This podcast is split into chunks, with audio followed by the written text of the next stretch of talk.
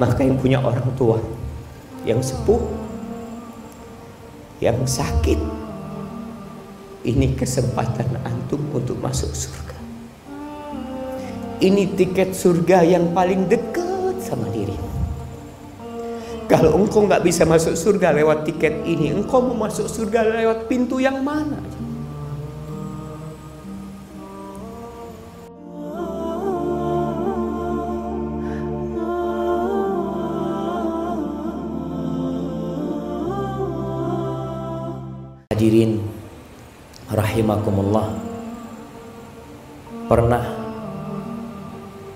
Suatu hari datang menjumpai Nabi alaihi salatu wassalam seorang lelaki yang dia ingin berjihad berjuang di jalan Allah bersama Nabi Muhammad sallallahu alaihi wasallam kita tahu zirwatu sanamil Islam al jihadu fi sabilillah.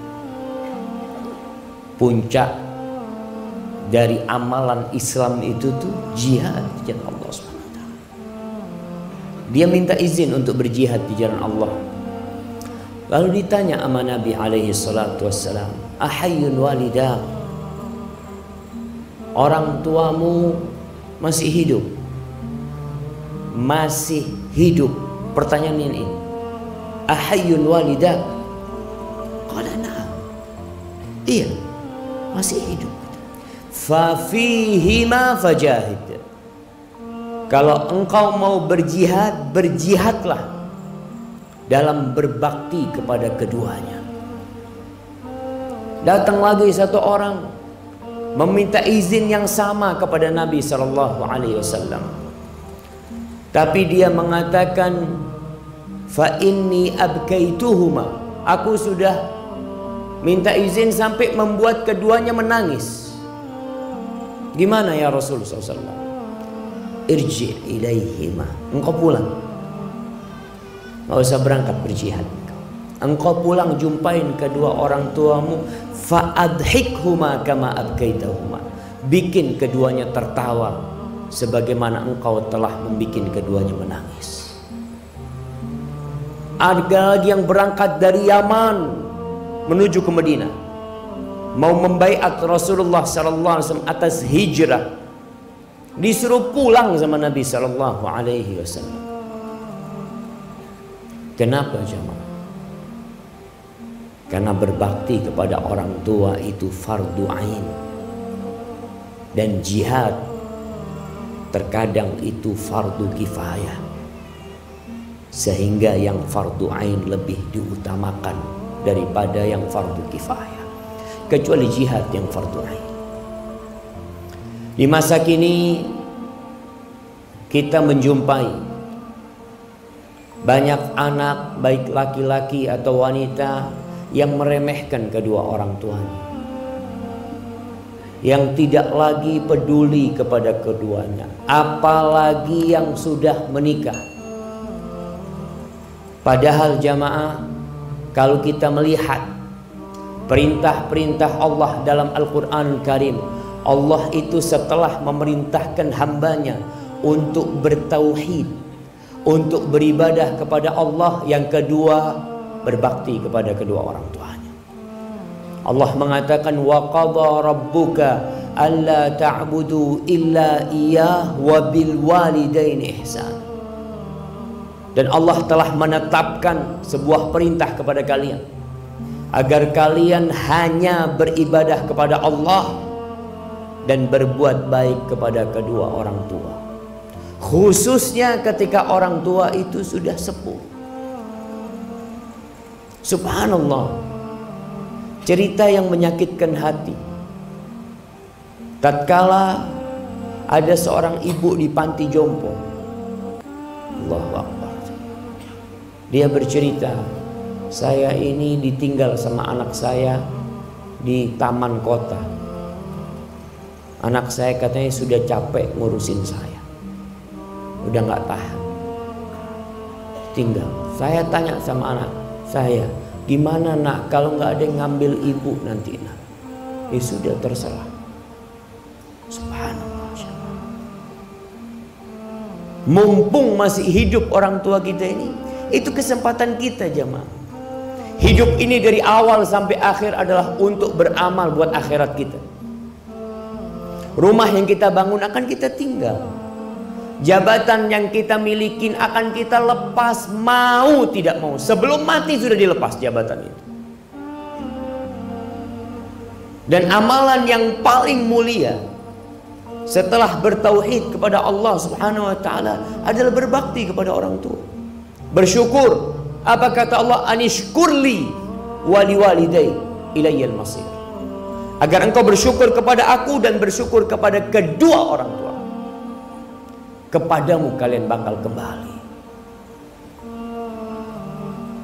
Ketika sahabat Nabi bertanya kepada Rasul sallallahu alaihi wasallam ya Rasulullah ayyul amali habbu ilallah amalan apa yang paling dicintai Allah subhanahu wa ta'ala amalan apa yang paling mulia apa kata Nabi sallallahu alaihi wasallam? As-salatu ala waktiha. Yang pertama salat tepat waktu. Salat tepat waktu. Anak kalau bicara salat jadi ingat sebuah dosa yang lebih dahsyat daripada berzina. Dosa yang lebih buruk daripada merampok dan memperkosa. Itu dosa meninggalkan sholat. Jangan main-main. Orang tua kadangkala beranggapan anaknya baik karena tidak minum. Tidak narkoba alhamdulillah baik anaknya. Tapi kalau anaknya tidak sholat apa gunanya dia jadi orang baik haknya Allah tidak dia berikan. As-salatu ala waktiha itu amalan yang paling mulia. Qultu thumma ai. Setelah itu apa? Birrul walidain. Berbakti kepada orang tua. Ini amalan yang paling mulia. Kemudian apa? Al jihadu fi sabilillah. Jihad di jalan Allah. Ahibati billah salah seorang ulama menangis pada hari meninggalnya orang tuanya, ibunya meninggal. Ditanya engkau kenapa menangis? Qala kaifa la abki? Gimana aku tidak menangis? Waqad ughlika alayya al-yawm babun min abwabil jannah. Hari ini telah ditutup satu dari pintu surga buat aku. Pintu surga yang paling mulia itu jamaah orang tua kita. Ketika datang seorang bertanya kepada Abu Darda menanyakan, "Ya Abu Darda, ibuku itu nyuruh aku menceraikan istriku." Nih para wanita ingat. Bantu suaminya berbakti sama orang tuanya, apalagi sama ibu. Mungkin engkau nggak cocok sama mertuamu. Mungkin ada sedikit gesekan antara engkau sama mertuamu tapi tolong bantu suamimu berbakti sama ibunya. Ibunya itu surganya dia. Dan surgamu adalah suamimu. Ketika dia datang kepada Abu Darda menanyakan ibuku nyuruh aku menceraikan istriku. Apa yang harus aku lakukan kata Abu Darda radhiyallahu taala anhu fa inni sami'tu Rasulullah sallallahu alaihi wasallam yaqul al ummu awsatu abwabil jannah fa in syi'ta fa'adi dzalikal bab aw ihfaz Aku mendengar Rasulullah sallallahu alaihi wasallam bersabda, ibu itu pintu surga yang paling indah. Terserah engkau. Kalau engkau mau meremehkan, membuang itu pintu kau buang. Atau engkau mau jaga, engkau jaga. Maka hati-hati. Yang sudah menikah terkadang ada istrinya yang kurang peduli sama ibunya dia. Bahkan menunjukkan kecemburuan kepada ibunya apalagi kalau mertuanya itu sudah tua wajar jangan jangan menantunya anaknya Orang kalau sudah sepuh itu jemaah. Anaknya aja sering dimarahin. Apalagi menantunya. Iya Ustaz saya semuanya salah kalau sama mertua. Nggak ada benernya.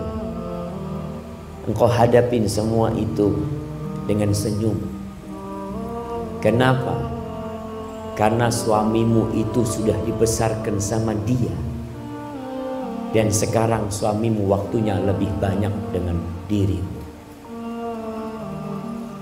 Di surat Al-Ahqaf ayat 15. Ketika Allah menyebutkan orang yang berumur 40 tahun.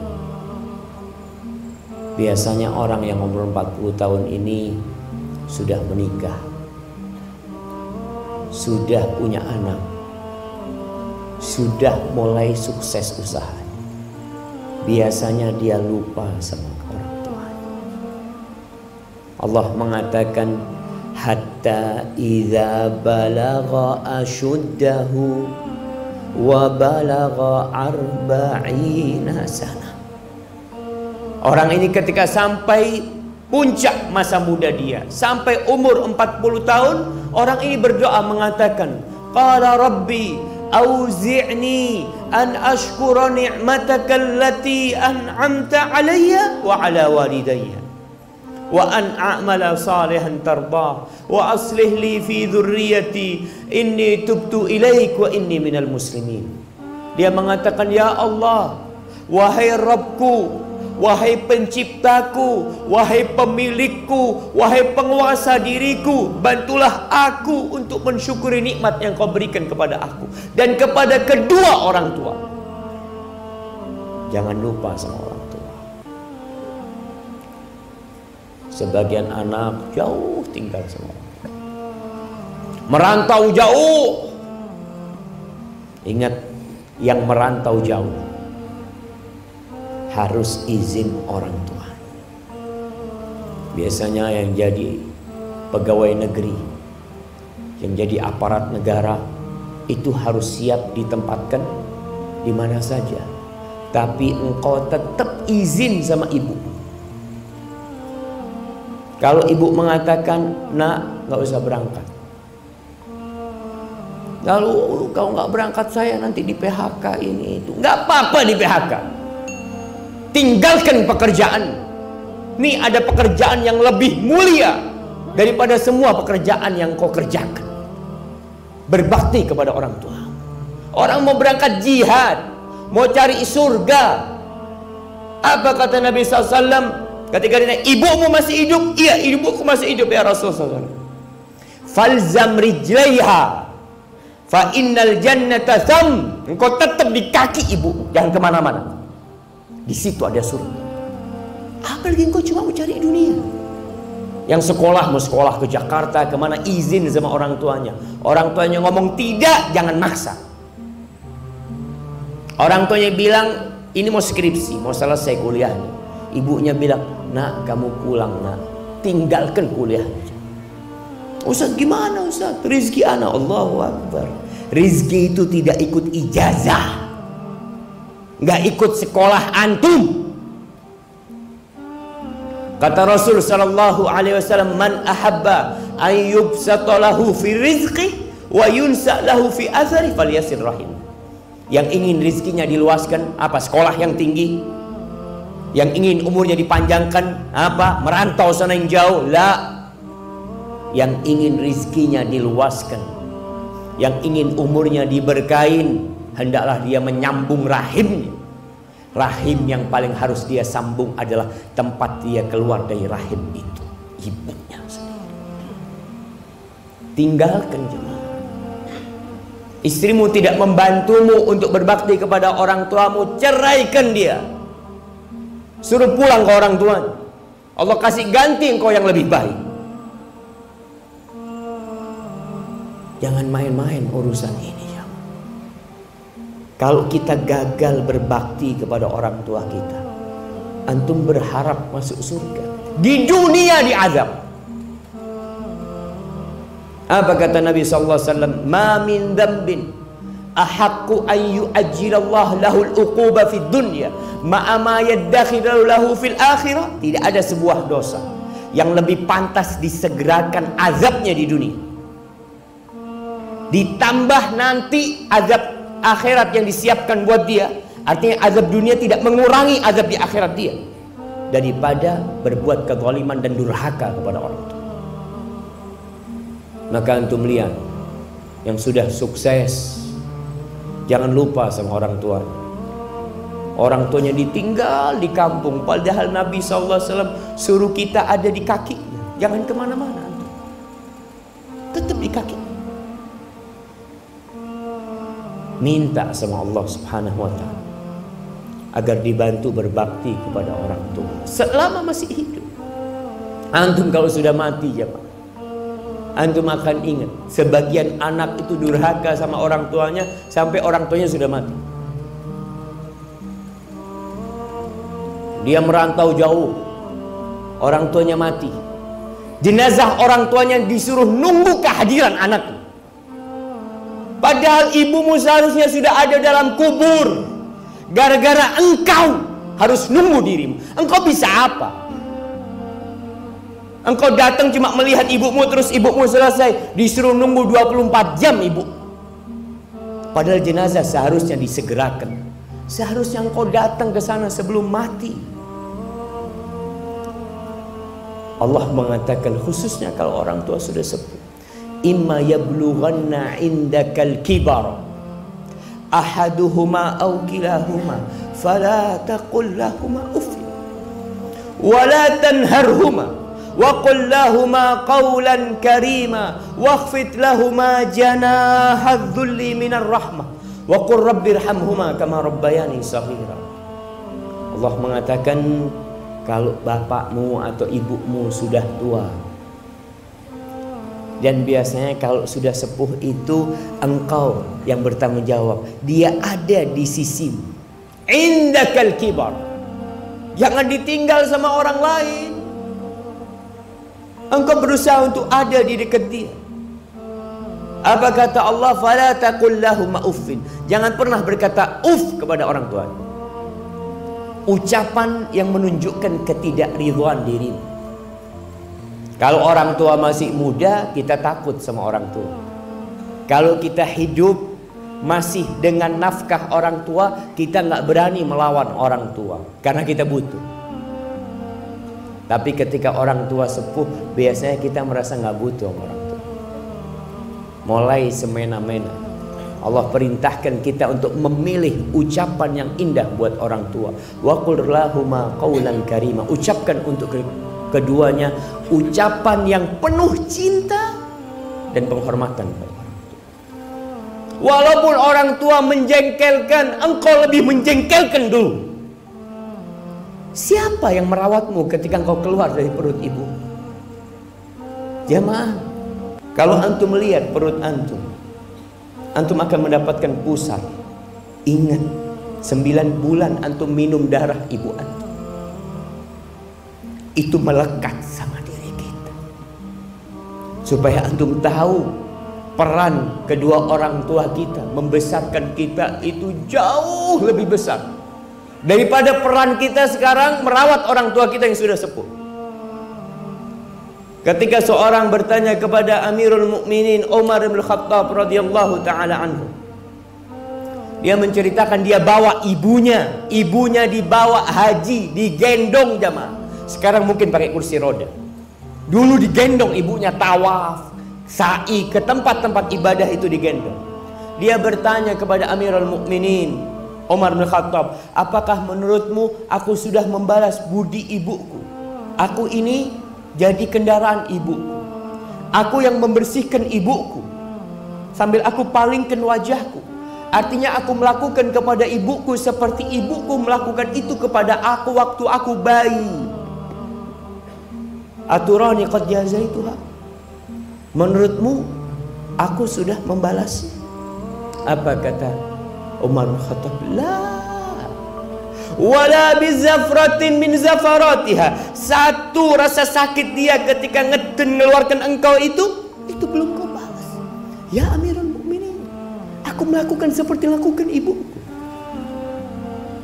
apa kata Umar Khattab engkau tahu Ibumu ketika merawatmu, ketika engkau bayi, dia mengharapkan engkau hidup. Dan engkau sekarang merawat ibumu ketika sudah sepuh, engkau berharap ibumu cepat mati.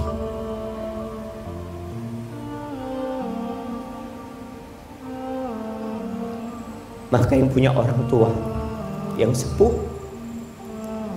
yang sakit, ini kesempatan antum untuk masuk surga.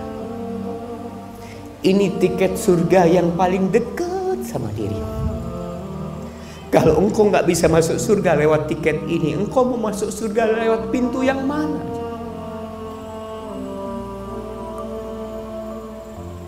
Kalau sudah meninggal dunia, engkau ingin melihat wajah, engkau ingin bersalaman mencium tangannya, engkau yang orang tuanya jauh sering-sering pulang. Ketika pulang tanya sama orang tuanya ibu ibu izinkan aku ibu di tempat perantauan.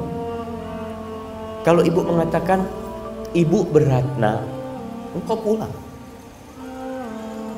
Pulang tinggalkan pekerjaan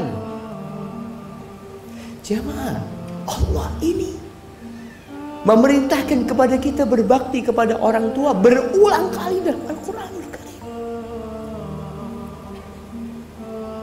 Lalu kita tidak melakukan kebaktian kepada orang tua kita. Yang terakhir, kalau orang tuanya sudah meninggal dunia, pernah datang seorang kepada Abdullah bin Abbas radhiyallahu taala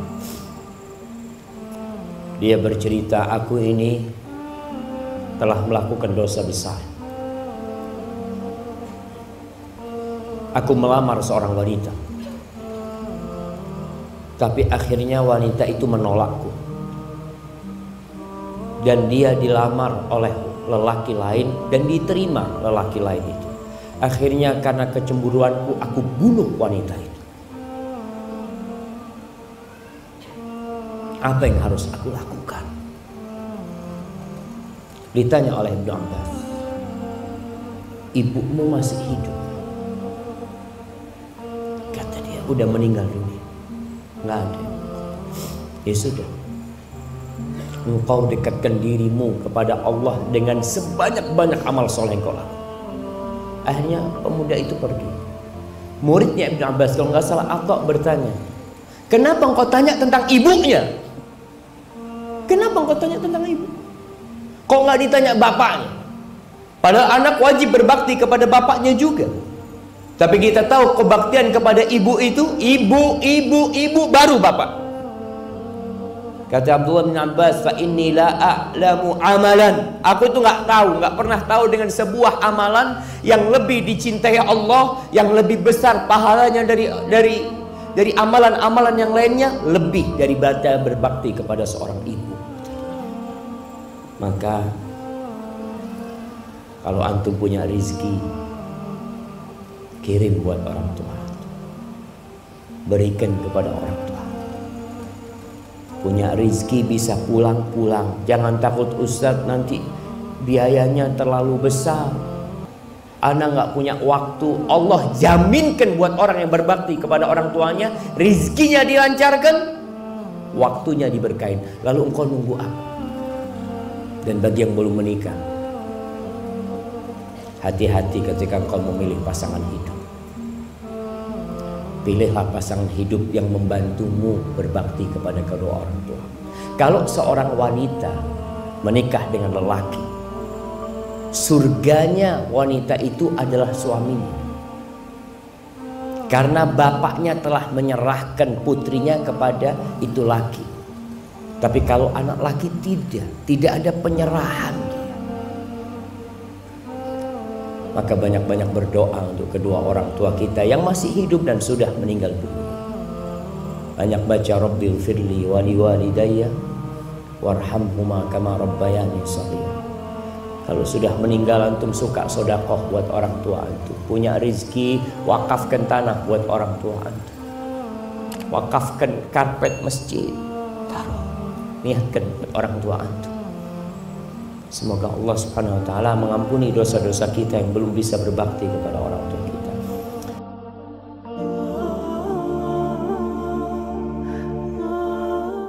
Ada istri-istri yang yang tahu diri dia. Dia tidak ingin membebani orang tuanya yang sudah melahirkan dia. Dia tidak ingin orang tuanya juga sedih dengan kesedihan dia. Cukup sudah ibunya merawat dia. Cukup sudah orang tuanya lelah mencarikan suami buat dia. Cukup sudah. Maka tuh yang